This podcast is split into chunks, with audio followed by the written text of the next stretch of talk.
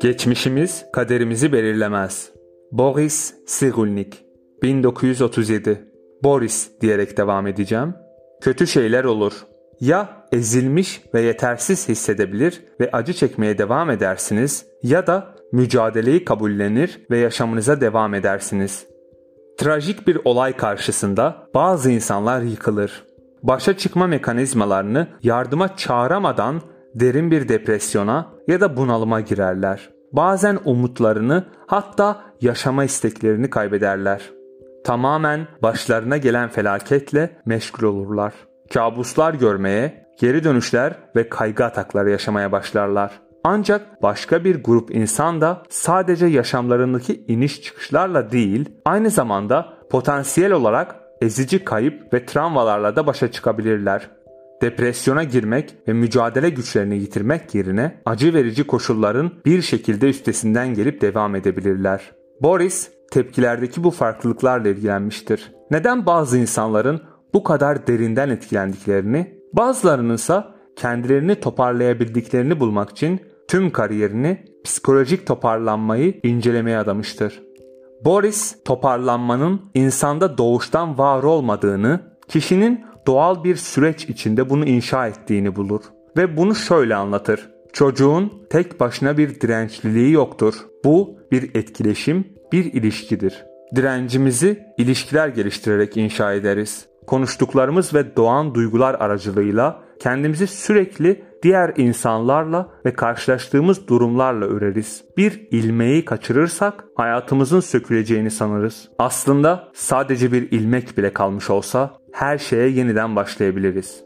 Olumlu duygular ve mizah toparlanmada en önemli faktörlerdir.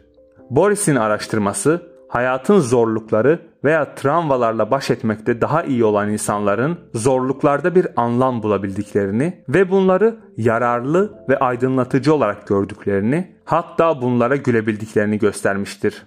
Dirençli insanlar mevcut durum ne kadar acı olursa olsun olayların gelecekte iyiye gideceğini görebilirler.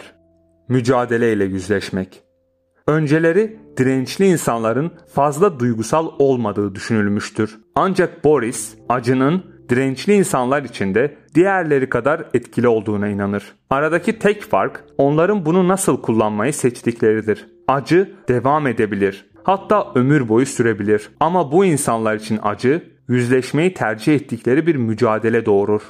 Zorluk olanların üstesinden gelmek, onun tarafından yenilmek yerine bu deneyimle direnç kazanmak ve bu direnci cüretkar bir şekilde ileriye doğru hareket etmek için kullanmaktadır. Doğru destek verildiğinde çocuklar travmalarını iyileştirme konusunda özellikle yeteneklidirler.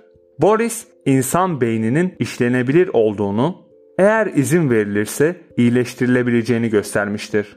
Travma geçirmiş bir çocuğun beyin zarı ve odacıkları büzüşme gösterir. Ancak çocuğa travma sonrasında yeterli destek ve sevgi verildiğinde MRI görüntüleri beynin bir yıl içinde eski haline geri dönebildiğini kanıtlamaktadır. Boris, travma geçiren çocukları damgalamamanın önemini vurgular. Travma iki şeyden oluşur. Hasar ve hasarın temsili. Çocuklar için en zararlı travma sonrası deneyim, yetişkinlerin olay hakkındaki aşağılayıcı yorumlarını duymaktır. Boris etiketlerin deneyimden daha zararlı ve ezici olduğunu söyler. Dirençlilik kişinin korkunç sorunlar karşısındaki büyüme kabiliyetidir. Boris Cyrulnik